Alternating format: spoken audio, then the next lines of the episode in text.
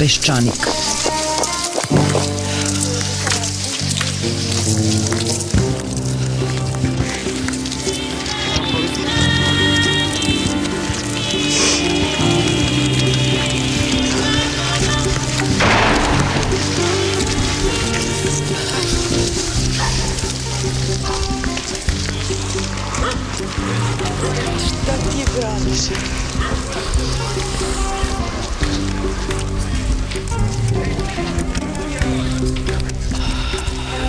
Peščanik.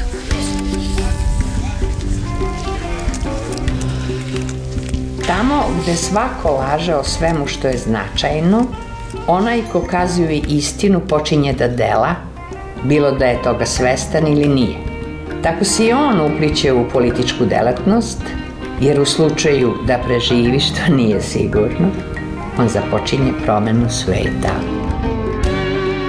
Već mesecima cela zemlja živi u ritmu Vučićevih histeričnih ispada povodom raznih stvari. Skoro je sve jedno kojih. Poplava, futbala, plagiranih doktorata, košarke, drona, a evo juče je doživeo omanji nervni slom zbog rezolucije Evropskog parlamenta povodom Šešeljevog povratka iz Haga. To nije ni prva ni poslednja rezolucija ovog evropskog tela za koji se ne zna tačno čemu služi, osim da poslanici opravdaju svoje plate. Međutim, u toj za nas zloglasnoj rezoluciji Evropski parlament traži od Haškog suda da preispita uslove njegovog puštanja na slobodu, od Srbije da se zvanično ogradi od Šešeljevih izjava po povratku u otečbinu, a od samog Vojvode da prestane da priča gadosti. Nikoga od ovih aktera ne zanima mnogo šta kaže Evropski parlament, osim Srbije, što znači Vučića, koji u jednoj rečenici kaže da rezolucija nije obavezujuća, da ne predstavlja praktično ništa, a u drugoj rečenici da se iza nje krije želja da se Srbije unizi, da joj se nanese šteta. I što je najvažnije, preko te rezolucije najbolje možemo da vidimo, kaže, kako se oni odnose prema nama, šta stvarno misle o nama nije precizirao ko su to oni, valjda je misli pre svega na Hrvate, ali i na sve one koji su za rezoluciju glasali, što već stvar malo komplikuje. Hrvatski političari iskoristili su Šešeljevo oslobađanje u tekućoj predizbornoj kampanji, da kad već nemaju šta drugo da ponude, podsete svoje birače na ratove 90-ih. Međutim, sve to nije razlog da se uzvrati ovolikom histerijom, pogotovo što je Vučićeva matična Srpska radikalna stranka za hrvatsko ratište mobilisala razne bolesnike i zločince. Međutim, sudeći po premijerovim izjavama, hrvatski političari nisu izdejstovali ovu rezoluciju zbog predizborne kampanje i ratne prošlosti, nego zbog toga što su ljubomorni na Srbiju, koja će, kako je rekao, imati svetliju budućnost nego neki drugi u regionu. A on, kao lučonoša, ne dozvoljava da nas vređuju i ponižavaju. Ponižavanje to je postala omiljena reč u premijerovom vokabularu. Koristi je toliko često da je to ofirajuće. Ali u kojim prilikama? Zbog zastave Velike Albanije na Viončiću, zbog ubistva futbolskog navijača u Istanbulu, zbog neobavezujuće rezolucije Evropskog parlamenta. A nije poniženje kada imaš najmanje plate i penziju u Evropi, najveću stopu nezaposlenosti u Evropi, kada ti ljudi ginu na pružnim prelazima, deca umiru u zapaljenim uđericama, pravosuđe ti ne radi dva meseca, a bube švabi gospodare bolnicama. U stvari, premijer je izabrao dobru reč, poniženje. Samo je promašio lokaciju s koje dolazi. Nije to ni Tirana, ni Istanbul, ni Brisel. To je mnogo, mnogo bliže. Problem je međutim što ovima napolju ne može ništa, osim da povremeno sikće, što ga od svetle budućnosti 2017. deli užasna sadašnjost kojom ne zna kako da izađe na kraj, a želi to da uradi sam, kao i svaki div junak, i onda sve češće on i njegovi telohranitelji u vladi, parlamentu, takozvanim nezavisnim telima ili medijima sav gnev usmeravaju prema grupama ili pojedincima koji ne misle, ne žive i ne dišu u njegovom ritmu. O tome smo, između ostalog, razgovarali sa našim današnjim gostinjima, istoričarkom Brankom Prpom, piscem Sašom Ilićem i psihologom Žarkom Koraćem. Nasilje se uvek može proizvesti i na individualnom planu i na društvenom, samo što zavisi od okolnosti. Nekada je to teže, nekada je lakše. Kod nas je vrlo lako, ali kod nas nasilje 80. godina sistemski proizvedeno kao osnovno sredstvo politike. I taj naboj je u stvari ostao, nije splasnuo, on je inače istorijski vrlo blizu površine u srpskom društvu. Ja bih rekao samo tri elementa koje olakšavaju da ova zastrašujuća količina javne agresivnosti, tolerisane javne i vođenje od strane vlasti agresivnosti bude ovakva. Prvo, dugo je u psihologiji bila jedna teorija, gotovo univerzalno prihvaćena, takozvano frustracijono agresivna hipoteza da u situacijama kad ljudi su frustrirani, to je tipično ekonomska beda, nezadovoljstvo, nacionalno, porazi, to je recimo način tumačenja nastanka nacizma u Nemačkoj, da je agresija prirodna, to je takozvana ta frustracijono agresivna hipoteza koja je jedan od još uvek važećih načina objašnjenja nastanka agresije kod ljudi kako siromašimo, budite potpuno sigurni da će sve više ljudi biti spremno da bude jako, jako agresivno, da se okreće agresivnim ideologijama, agresivnim liderima i agresivnim javnim ličnostima. Po dva, ova vlast je populistička, ona je došla, gotovo kao u francuskoj revoluciji, bez obzira što je to bili su izbori, jeli, obećavajući odmazdu prema tajkunima, prema lopovima, prema žutima. I ona je u stvari jednu ogromnu količinu agresije unala u svoju predizbornu kampanju i to je važno, nije to stalo po dolasku na vlast, nego je neprekidan obračun sa unutrašnjim neprijateljem. Stalno imate kao nekad ono u komunizmu, neko nam baca klipove u točkove i sve bi bio idealni svet kada nas ne bi sprečavali. I ta kampanja predizborna neprekidno traje. I konačno treće, stranke na vlasti se obraćaju onom delu našeg društva koje je puno resantimana zbog siromaštva i to su gubitnici tranzicije. Oni su ojađeni, oni su besni i vlast ima funkciju prstom pokazivanja ovi su krivi. Ovaj tajkun je kriv, ova stranka je kriva, ova ličnost je kriva. I vi kao da imate jedan veliki prst koji stano ovako okruži i vi svako jutro gledate na koga će taj prst biti usmeren. Znači kao veliki brat koji treba samo da izabere žrtvu toga dana ili te nedelje. Mene danas jedna kolegica SMS-om pita ko je sledeći za hapšenje. Znači, ljudi čekaju da neko bude uhopšen i kad se to sve spoji, onda dobijete društvo, trenutno kako je društvo u Srbiji, u kome će rasti agresija, znači iz ovog prvog sleda će definitivno rasti, ovo se neće stati. Ovo će biti sa trajna karakteristika našeg društva, jer nema napora vlasti da to smanji, manir vladanja i obraćanje biračima i grupama za koje ti misliš da u stvari dele tvoj sistem vrednosti da te podržavaju politički je takav da će te obračuni biti sve čeći. Mi smo u stvari društvo koje počinje da liči na ona društva staljinistička u kojima je čiske i obračuni su stvari bili metod vladanja. To je bila Kina u jednom trenutku, bio je tako Rusija, Sovjetski savez jako dugo. Mi smo društvo kome traje jedna permanentna politička i socijalna revolucija. Bojim se da dve stranke na vlasti drugačiji ne mogu da vladaju nego tako. Dakle, ako me pitate Da li će ovo stati? Odgovor je moj definitivno ne. Ja mislim da je to stil vladanja ljudi koji su izabrani i koji danas sa velikom podrškom se nalaze na vlasti. Ja sam razmišljao o, o tome kako uopšte podeliti zapravo taj javni diskurs u Srbiji. Došao sam do nekih teza koje bi možda opisale najbolje to stanje u javnom diskursu, ali i u ponašanju po vertikali. Kad je politika u pitanju, to je taj diskurs o drugome koji je jeziv i gde možemo lako da detektujemo zapravo svu tu agresiju o kojoj je Žarko govorio bilo da je reč o, o toj utakmici ovaj, sa dronom koja je izazvala toliko nevolja nakon toga ili poseta albanskog premijera Edija Rame, ja mislim da nakon toga uh, su se pojavile neke reči u javnom diskursu koje su bile na neko vreme suspendovane ili bar se činilo da su bile suspendovane, kako je sve nazivan premijer nakon njegove posete i na koji se nivo to podiglo. Svakog dana imamo izveštaje o nekim napadima, tučama, i kao da se čitavo događanje političko izmestilo iz institucija i prenelo u arenu. Da li su to utakmice u pitanju ili nešto drugo ili imali smo recimo Pride sa izlaskom čitave te mašinerije na ulice i, i gde se možda prvi put uspostavila ta živa veza i kontakt između vlasti i onog dela populacije koji je očigledno veoma važan toj vlasti, to je ta navijačka falanga koja se sada pojavljuje ulozi žrtve nakon ove utakmice u, u Istanbulu i gde vidimo da država reaguje žestoko, čak svaka utakmica tog tipa doživljava se kao omanji kosovski boj. Nakon toga, po čitavoj vertikali političari, funkcioneri, ovaj, perpetuiraju zapravo tačno tu matricu. Bilo bi zanimljivo vratiti se u prošlost i setiti se ubistva Brisa Tatona zamislimo tu situaciju nakon ubistva Brisa Tatona da Francuska krene sa takvom kampanjom protiv Srbije, sa uh, upućivanjem demarša, sa zabranama ulaska određenim ljudima uh, iz Srbije zbog svega toga.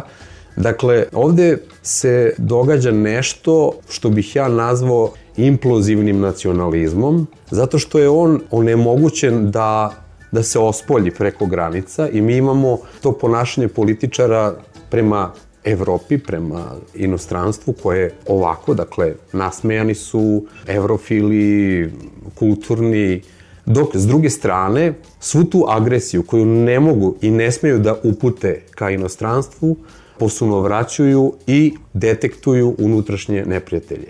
I zato je tenzija u društvu neprestano podignuta. Mi nemamo zapravo ono dan ne prolazi bez tog alarmantnog stanja. To je kao neko perpetuiranje vanrednog stanja gde se neprestano pronalaze neprijatelji, pronalaze se zapravo izvori poniženja, To je ključna reč, poniženje je neki okidač postala nevjerojatno. Jeste, i to je mantra koja aktivira mase. To je zapravo još iz 90. godina, samo što je tada nacionalizam mogao da, da se izlije. Ta reč poniženje uvijek znači slab ego slaba ličnost. Čovjek koji stalno misli da ga neko ponižava, zapravo sam nije uveren u svoju sobstvenu vrednost. Jer što vi više verujete u svoju vrednost, to će manje neko moći da vas ponizi. Tako da pokazujemo posla s ljudima koji sami ne uvereni u svoje vrednosti i zato sve što, svaka kritika se doživlja gotovo patološki kao poniženje. Namerno me ponižaš, ja ću da Dakle, interesantno ste vi, ja, to je opšte mesto među kolegama da je ova vlast je strašno nesigurna u sebi. I onda se zapravo svaki gest koji pruži malo materijala za to tako tumači i čitavo društvo se mobiliše preko medija, a mediji većinski su tako raspoloženi da proizvode masu laži koje podupiru to stanje. Posledica toga je možda najuočljivija u kulturi i medijima. Najveća čišćenja do sada su zapravo u tom polju. I to ide čak dotle, recimo, da mi imamo situaciju u jednom kulturnom centru Beograda da usled kampanje protiv te institucije teče festival koji se zove Slobodna zona i gde se ne pokazuje ni gram samosvesti da se nalazimo upravo u školskom primeru te vrste agresije. To je moguće videti na svakom koraku. Čini mi se da, da je kultura zapravo bila tu prva na udaru i, kako Žarko reče, to neće ovaj, stati. Postoji jedan problem da bez obzira na ovu individualnu psihološku dimenziju kada govorimo o tom osjećanju sveta, da je an mas svet ponižen. Ponižen u svojoj bedi, ponižen u svojoj nemogućnosti da projektuje svoju budućnost, ponižen dakle u nečemu što hoće sam život. Ta vrsta jedne nihilističke tamne rupe u koje je bačeno celo društvo je zapravo najopasnija bolest e, sa kojom jedno društvo može da se suoči, a to je život od danas do sutra. To je preživljavanje od danas do sutra i to je život bez budućnosti. S druge strane imamo vođu koji projektuje budućnost za koju svi jako dobro znaju da je lažna, da je apsolutno nemoguća u nekom realitetu. Mislim da se zapravo ta vrsta dramatičnih događaja proizvodi na dnevnom nivou. Jer da biste skrenuli iz fokusa šta je to da već dva meseca vi zapravo ne možete učini u jedan sudski proces jer su advokati u štrajku. Da vi imate situaciju u belom štrajku prosvetu? Da imate u toj istoj situaciji i zdravstvene ustanove, da imate smanjivanje plata i penzija, da imate e, dakle nešto što mora postati predmet ozbiljnog, javnog i političkog dijaloga u ovoj zemlji, vi zapravo svaki dan proizvedete neki događaj koji mora da bude radikalan, da bi sve ove teme došle u drugi plan pa jedan dan je upucan Beko, sutra dan je ubijen mladić na, u, u Istanbulu, preko sutra je uhapšen jeli, Bogičević. I dakle, ako gledate u nekakvoj sukcesivnosti. To je bukvalno svaki dan rezervisan za nešto što će postati glavna vest, e, što će zaokupiti vašu pažnju. Pazite, i nas ovde koje smo svikli na manipulacije razne vrste, evo, Žarko i ja od komunizma pa nadalje. Znači, sve metodologije smo naučili. A svaki put su, kad idete u te neprestane repeticije jednog te istog modela, onda to postane groteskno. Jako puno vremena smo mi izloženi tom tipu govora, toj proizvodnji događaja koje su uvek granične ljudske situacije, na koje vi morate da odreagujete.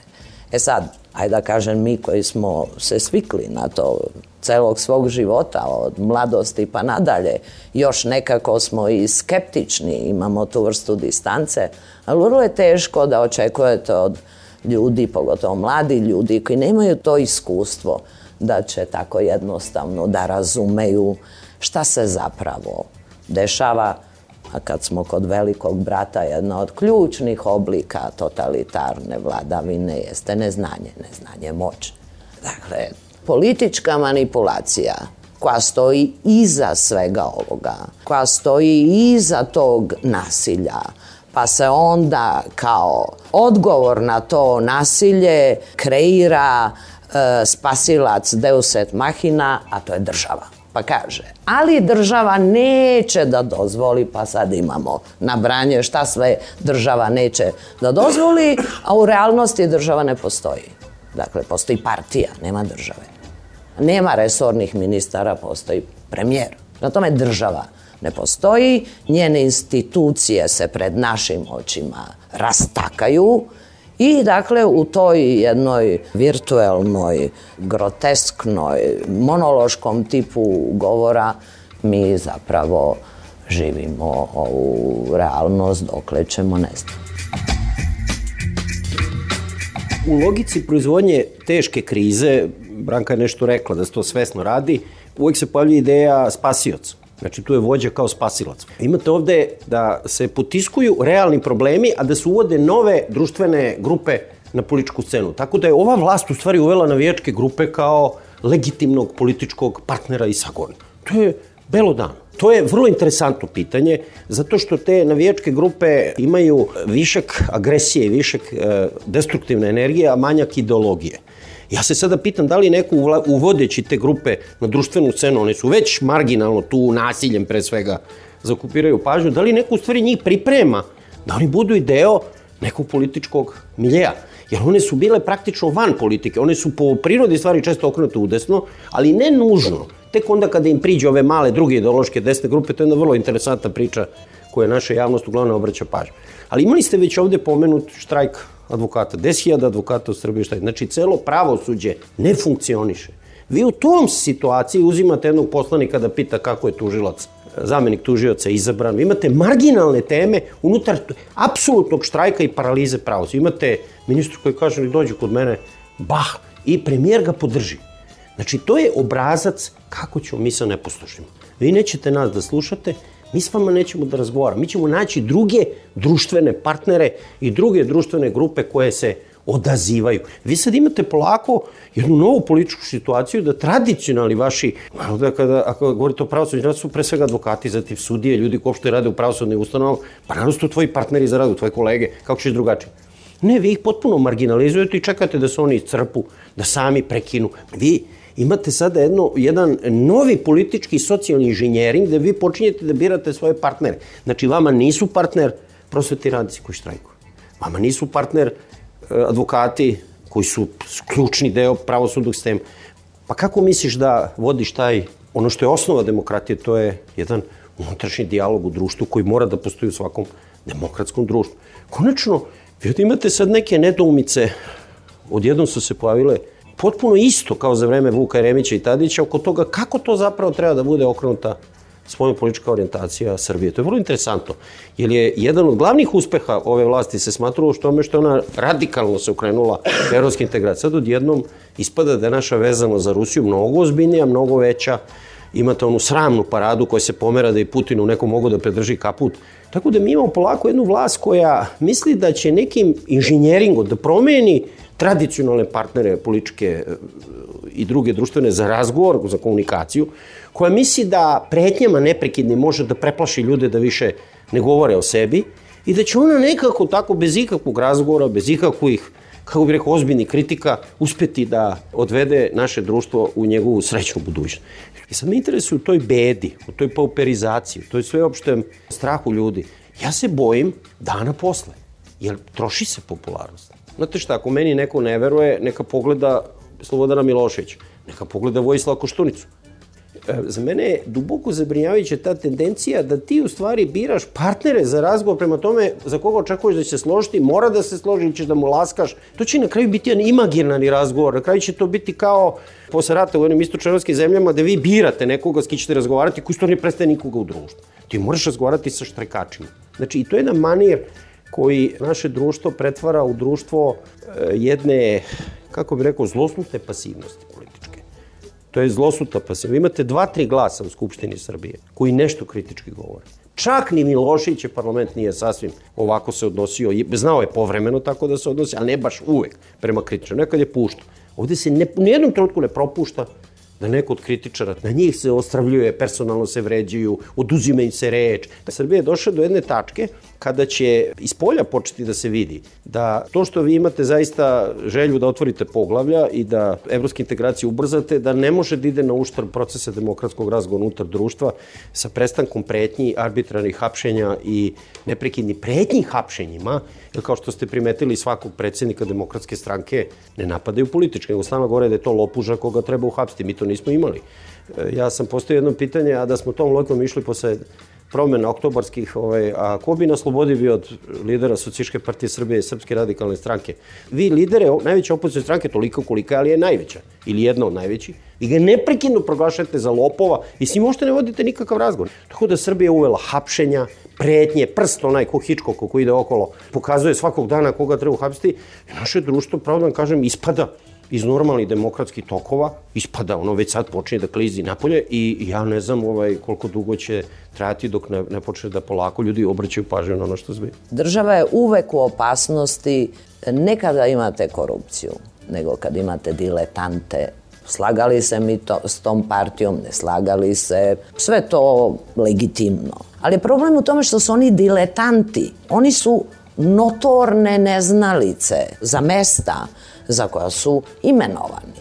I onda imamo jeli, onu redikuloznu odbranu Šapca gde se postavlja glavno komandujući vojske, jel, to je potpuno suludo, to nikad niko nije video to.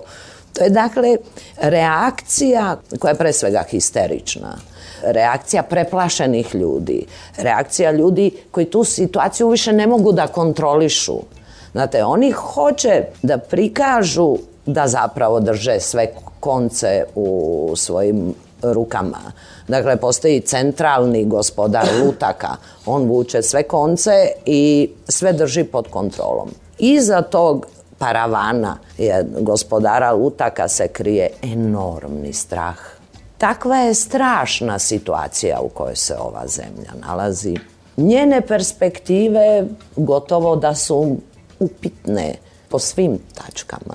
I za tu vrstu posla koji stoji pred onima koji su na čelu države, koji rukovode institucijama, da bi ga oni uspešno obavili, potrebna je prvo kompetentnost, moraju da znaju šta rade i društveni konsenzus. Dakle, bez društvenog konsenzusa ne može se ići u ovakve radikalne mere. To prosto nije moguće. To je prkosi zakonima fizike. Radi se o, o fizičkim zakonima, ne samo... Znači ti mesto da stvaraš najširi društveni konsenzus, ja sigurno ima tema gde možemo da se složimo. Ti u stvari pretiš ljudima. Obratno radi. Kad se zemlja nađe u jednoj situaciji koja je katastrofična, onda neko ko je razuman pokušava da okupi što veći broj ljudi i da kaže ajde da mi vidimo kako mi iz cele ove situacije da izađemo. I to rade razumni ljudi. Oni ovako ne mogu izvesti Srbiju iz ove situacije. Prosto to nije moguće. A pritom su, ovo što Žarko kaže, u svakog uprli prstom. Dakle, oni su sada multiplikovali svoje neprijatelje, političke neprijatelje i oni su stvorili u socijalnom smislu jednu radikalnu situaciju jer odbijaju socijalni dijalog. Prema tome, ja ne znam ko su im prijatelji. E dakle, da mi sad stavimo na papir, onako prosto taksativno nabrojimo koji su to realni problemi u kojima je ova zemlja i njeni građani, onda ja mislim da bi ta slika koja bi se ukazala pozivala na razum, dijalog i na apsolutno pacifikovanje svakog oblika političkih strasti i bilo kakvog nemezisa. Sad ćeš ti meni da se osvetiš ili ću ja tebi da se osvetim. Na kraju kreva nismo se mi njima osvećivali, tako? Na kraju kreva, izvinite, i Slobodan Milošević je sa vlasti otišao bez jednog jedinog ispaljenog metka sa milion ljudi na ulici. Što je epska scena, nikad viđena u ovom gradu u 20. veku. Nikad viđena. Prema tome, to su sve stvari gde se pokazuje da je moguće i u najdelikatnijim e, situacijama, u situacijama koje prete da iskliznu ali u roku od nekoliko sekundi pretvore se u katastrofu, jel da je moguće kad su ljudi razumni, kad su ljudi pribrani sa svih strana da se uradi nešto što je na, na polzu naroda. Ono što mene strašno plaši, to je ta vrsta mesijanizma koja, koja nekako pratila, osim Zorana Đinđića, skoro sve aktere naše političke scene. I od Slobe i od svih onih koji su došli posle toga. Na jedan put ljudi zaborave sva ljudska svojstva, zaborave svoje sposobnosti i nesposobnosti, zaborave svoje realne moći i postaju na kraju krajeva od te velike količine političkih manipulacija postaju žrtve sobstvenih laži i počinju zaista da veruju u to što lažu svakodnevno. Srbija se kupa u populizmu. Ona nije ovaj populizam imala posljednjih 14 godina. Ovo je faza u tom smislu bliska Miloševiću apsolutnog populizma. To je populizam bez rata. Mi radimo za najsiromašnije, mi radimo za sankilote, bezgačnike, one čuvene iz Franske Rucije. Naša baza su sankilote, intelektualci su kvarni po definiciji, a koristite da mali broj mediji ne treba da budu slobodni. To nije dobar obrazac vlasti i ono što bi mi mogli, ako bi bili jako dobronameni, da kažemo, neko kad dođe na vlast možda i ne zna kako se obavlja vlast, pa će vremenom i da se promeni. Ljudi na vlasti se menjaju i nagore, ali i nabolje. Мене mene што они не, не, не ne savladavaju te osnovne lekcije vlasti. Kao da ima neki limiti koji njima ne dozvoljavaju da ovake očite stvari vide, a to je da što pre treba da reše problem sa advokatima. Mene to jako brine. Pokazuje se da je to jedna arogancija, jedan prkos, kao deteta od pet godina. To nije način vršenja vlasti, to je besmislen način vršenja vlasti. A to liči na Radovana trećeg. To je ta vrsta grotesknog upražnjavanja vlasti. Jel? Vlast je onako nešto што ја могу, а тебе не дам. Кад ти мислиш да свако кој ти постои неко питање, уствари злонамерен, да тебе руши не као политичар, него као човека. јел овде стално е атак на личност, тоа е још горе. Ајде, некој те не воли као политичар, а сад исполи као човек, тоа то, може човек да биде врло симпатичен, да буде лош политичар. Кад си на власти, значи кад си на наистакнути poziciju vlast, pa naravno da će biti mnogo kritika i maligni kritika i kritika tvoje porodice, to je priroda društva. Možeš ti kontrolišeš medije tako da da ovaj, e, se skloniš od toga. To je kao u ovim bajkama, sećate se, e, srećni princ, on, on, on živi u onoj bašti, jeli? To je kao da ti napriš neku baštu i tebi je najvažnija pohvala s polja. A to je jako cinično. Oni s polja imaju vrlo redukovan sistem očekivanja. I mene, ja sam bio ponižen posle, posle te dijarame. Komentari su bili ovakvi. нису ни, овај први дел нису рекла су мисли. Да, да тоа е Балкан, тоа Србија, Албанија. Добро да е уопште била пост. Значи, од прике, добро ги не се убили, добро га нису в раму баци, добро рама е ошамарија вуч. Добро е, био е у пост. Значи, као два зарачена племена, па е поглавица дошол у племе, па е, тоа успео жив да, да каже шта е имао и да... тој е. To je, znate, ja sam ponižen bio. Znači, nikada dublja kriza i nikada manje želje da se dobije podrška makar jednog što većeg broja društva da se iz ove krize izađe. I ovde se u stvari e, otvara prostor e, za vi razarate opoziciju, kriminalizaciju, mi to niko još nije radio. Bilo je mnogo razloga više ranije da se to čini, pa nije rađeno. I e, vi kriminalizujete opoziciju, nje nema i šta očekujete? Kako će izgledati kad vi oslobite na vlasti? Ne verujem da možete pribegati baš nekim drastičnim metodima u današnjoj Evropi diktature. Ko će vas naslediti? Šta će biti alternativa ove vlasti? Ove navijačke grupe, ove marginalne sada ultradesne grupe, jer ovi nasilnici su u stvari budućnost, e, jer kad se sroza politički sistem, Grčka je najbolji primer kao što znate, ovaj, e, ogromnu podršku dobila jedna ekstremno profašistička nacionalistička desnica i jedna ekstremna levica. Može i za vas da ostane isti ovakav pejzaž. Ovde je najvažnije bilo da se institucije kulture pretvore u formalno gledano u institucije od nacionalnog značaja, gde su sve dobile memorandum i piše, ne znam, Narodna biblioteka Srbije institucije od nacionalnog značaja. Nije bitno što su uništeni resursi koji su tu postojali, koji su izgrađivani. Evo danas imamo jedno pismo raspadnutog upravnog odbora e, biblioteke, dakle, pošto je to jedno vanredno stanje koje traje jako dugo, nema direktora, konkursi ne prolaze o, i sad šta je rešenje? Rešenje je ljubavno pismo premijeru. Budući da vi dakle obraćate se premijeru, imate veliko razumevanje za probleme naroda i države, računamo da ćete vi preseći dakle to i da ćete postaviti čoveka i da se završi to teško stanje. A imamo s druge strane na samom Vračaru, pored biblioteke, gde su nedavno kupovali placeve za, za kuće kao da kupuju zemlju na, sa pašnjaka druge klase.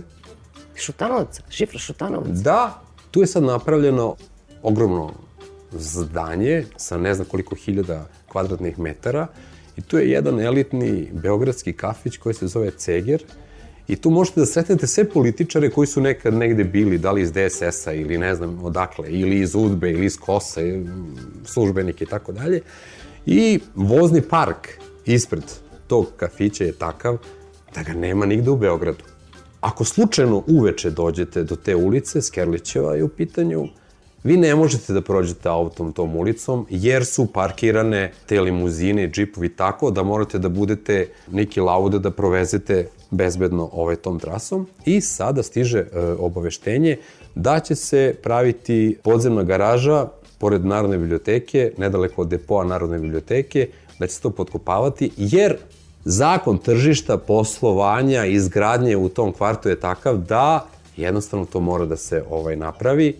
Institucije, kulture i svi ostali iz kraja ćute i, i čekaju. Ako je Vučić rekao sada se pravi tu, kopa se pored depoa Narodne biblioteke, izduvni gasovi, nema problema. A hteo sam da se vratim na, na nešto što sam čuo od e, Žarka maločas, dakle, da mi sada imamo situaciju da su te navijačke grupe, militantne grupe i ostali, da, da je to neko iznenađenje za nas. Meni se čini da je Savez države Srbije sa militantnim grupama, paraformacijama, navijačima jako star. I da se on s vremena na vreme reaktualizuje i reaktivira i da imamo dakle od 91. od Arkana i, i raznih tih paravojnih falangi koje su regrutovane, SRS je bila ta koja je regrutovala, ta populacija uživa izvanredan status u Srbiji Kao što je recimo izvanredan status branitelja u Hrvatskoj.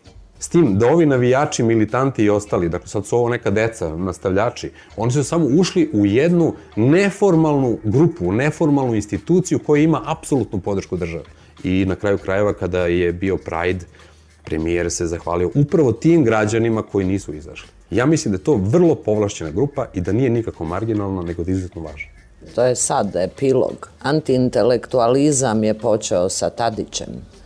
Dakle, ono što je svih nas najviše zaista zabezeknulo u celoj toj situaciji da demokratska stranka koje, su stvorili srpski intelektualci od onih prvih, od Milana Grola, da lider te partije i predsjednik države e, i sam čovek koji je odrastao u intelektualnoj sredini s obzirom komu je bio otac, jel? da krene da vodi jednu antiintelektualnu kampanju gde je eto, upravnik Narodne biblioteke skoro bio optužen i grupa intelektualaca da su spremali teroristički akt na Tadića. Dakle, to je nešto što je počelo tada, a sada je došlo do svog, rekla bi, Žarko, ne znam je se slažeš ne znam da se vi sve, banalnog epiloga. Sad neću samo da te difamiram, pa ću da kažem da si ovakav onakav, nego e, sada ću da te premlatim u nekom mračnom čošku sa nekom, nekim maskiranim ljudima, Posle toga ide i nešto gore što smo videli iz Miloševićevog perioda. Što pred kraj njegove vlasti? Jeste, pred kraj. U kojem je, u kojem je vrlo čudno su bili upravo ovi ljudi koje danas gledamo na vlasti. Da kad je Miloševićev režim otišao u to, taj svoj najradikalniji obračun s političkim oponentima, bili, bili to predstavnici političkih partija ili novinari ili intelektualci ili Beogradski univerzitet, sve se dešava upravo kad su ovi ljudi koji sada reprezentuju jednu kao novu Srbiju i novu politiku koja ima u temelju evropske vrednosti. Jer mi sada gledamo reprizu onog što smo videli gledali 98. 99. do 2000. I sad se čovek pita kako to se ponavljaju metodi, kako to?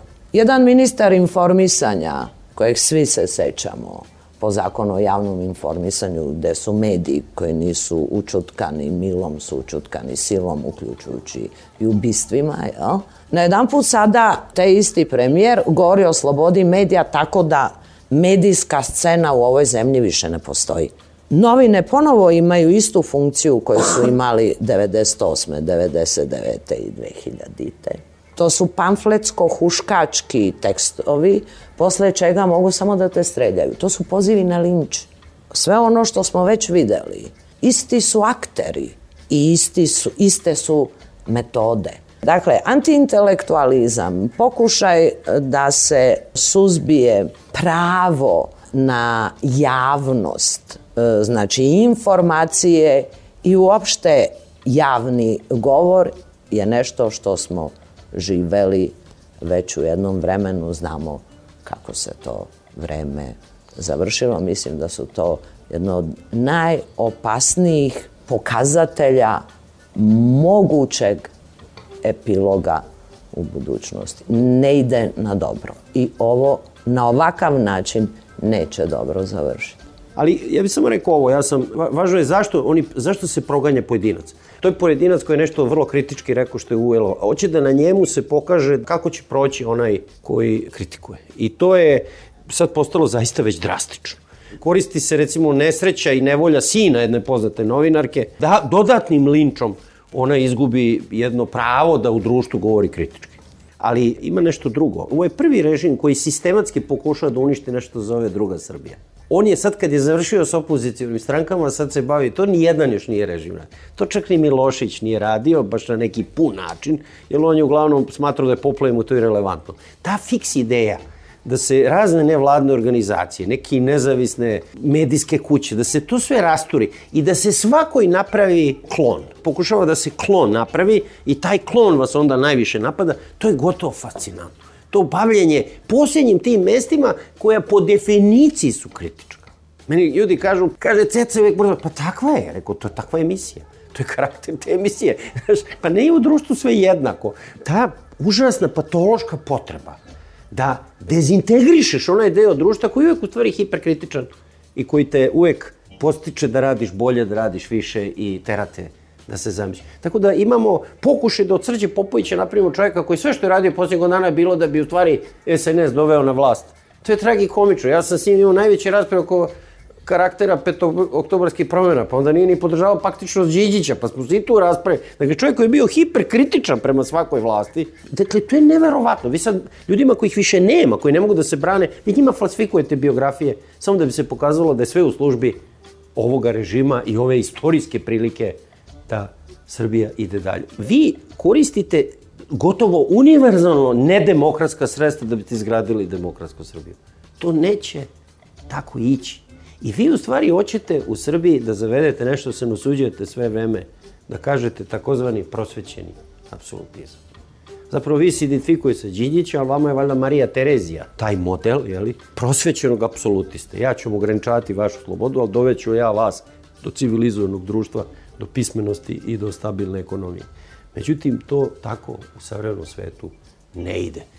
Prosvećni apsolutizam je skrahirao svuda od Čaušeskova, skrahiraće jednog dana, nadam se, u Severnoj Koreji. Velika je opasnost kad se razbiju dve institucije e, autonomnog društva sindikati pre svega, jer vi u stvari više ne znate s kim pregovarate i imate mogući haotični scenario koji više ne može da se kanališe i kad vi zapravo radite intenzivno na tome da uništite bilo e, kakvu političku konkurenciju u smislu instu, njene institucionalne forme, dakle partije. U slučaju bilo kakvog haosa nema ko da kanališe.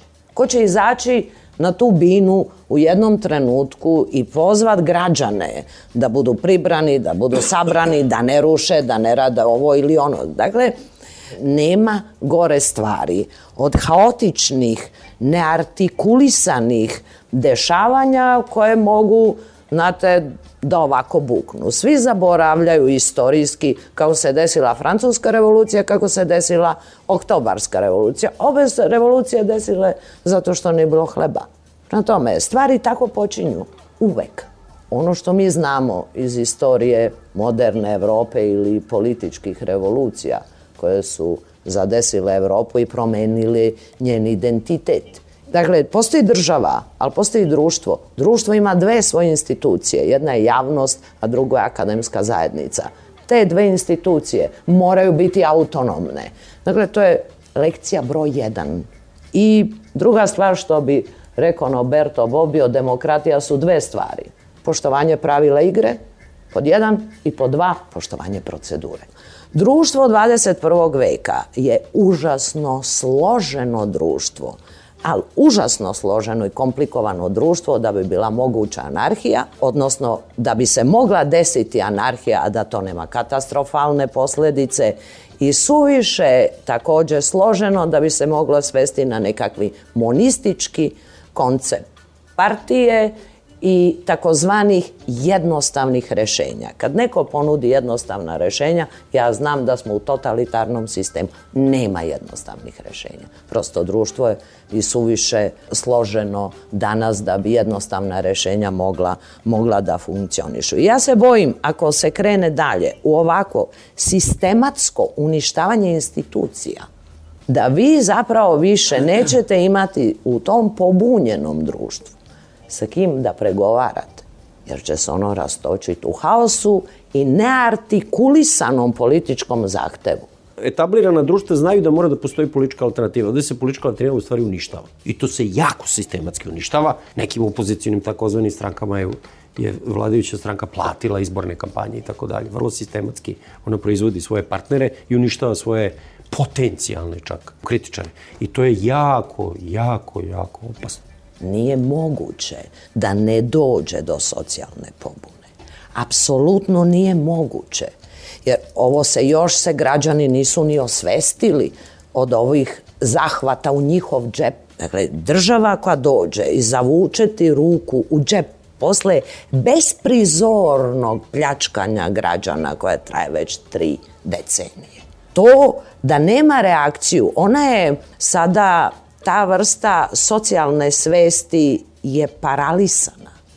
Znate, kad glad zakuca na vrata, tu se više ne biraju sredstva i tu više nikakvi deklarativni govori 2017. pa ko će da preživi do 2017. Kako to misle da će ljudi da prežive? Jel? Sa 200 eura plate, sa 300 eura plate u ovakvim uslovima. Prema tome, to ne može da ne proizvede to. To je ko hemijski proces. Ali jedini način da se pre toga boriš je dobije što je moguće širi društveni konsenzus i Jeste, podršku. I upravo zato... Obratno, ovo o čemu mi govorimo, to je jedini način ne, da u stvari tražiš podršku Znači da kanališeš to, da institucionalno to, apsolutno celu mrežu napraviš koja će pokušat da da celu ovu stvar koja je kriza epskih razmera za ovu zemlju, beda je ogromnih razmera. I čovek mora sa tim da se suoči i mora da vidi šta dalje. Ne tako što ćeš uhapsiti Bogičevića ili Miškovića. Mislim, to je u redu ako su ljudi imali nezakoniti oblik poslovanja, sve to u redu, nemam ništa protiv. Ali nisi time nahranio gladne. Dakle, sve su to strašno ozbiljne stvari. Strašno ozbiljna pitanja i na ovakav način kriza koja dolazi i koja je već tu, a dolazi u sve u gorim i gorim oblicima, ne može da se amortizuje. Ovako jednostavno neće moći.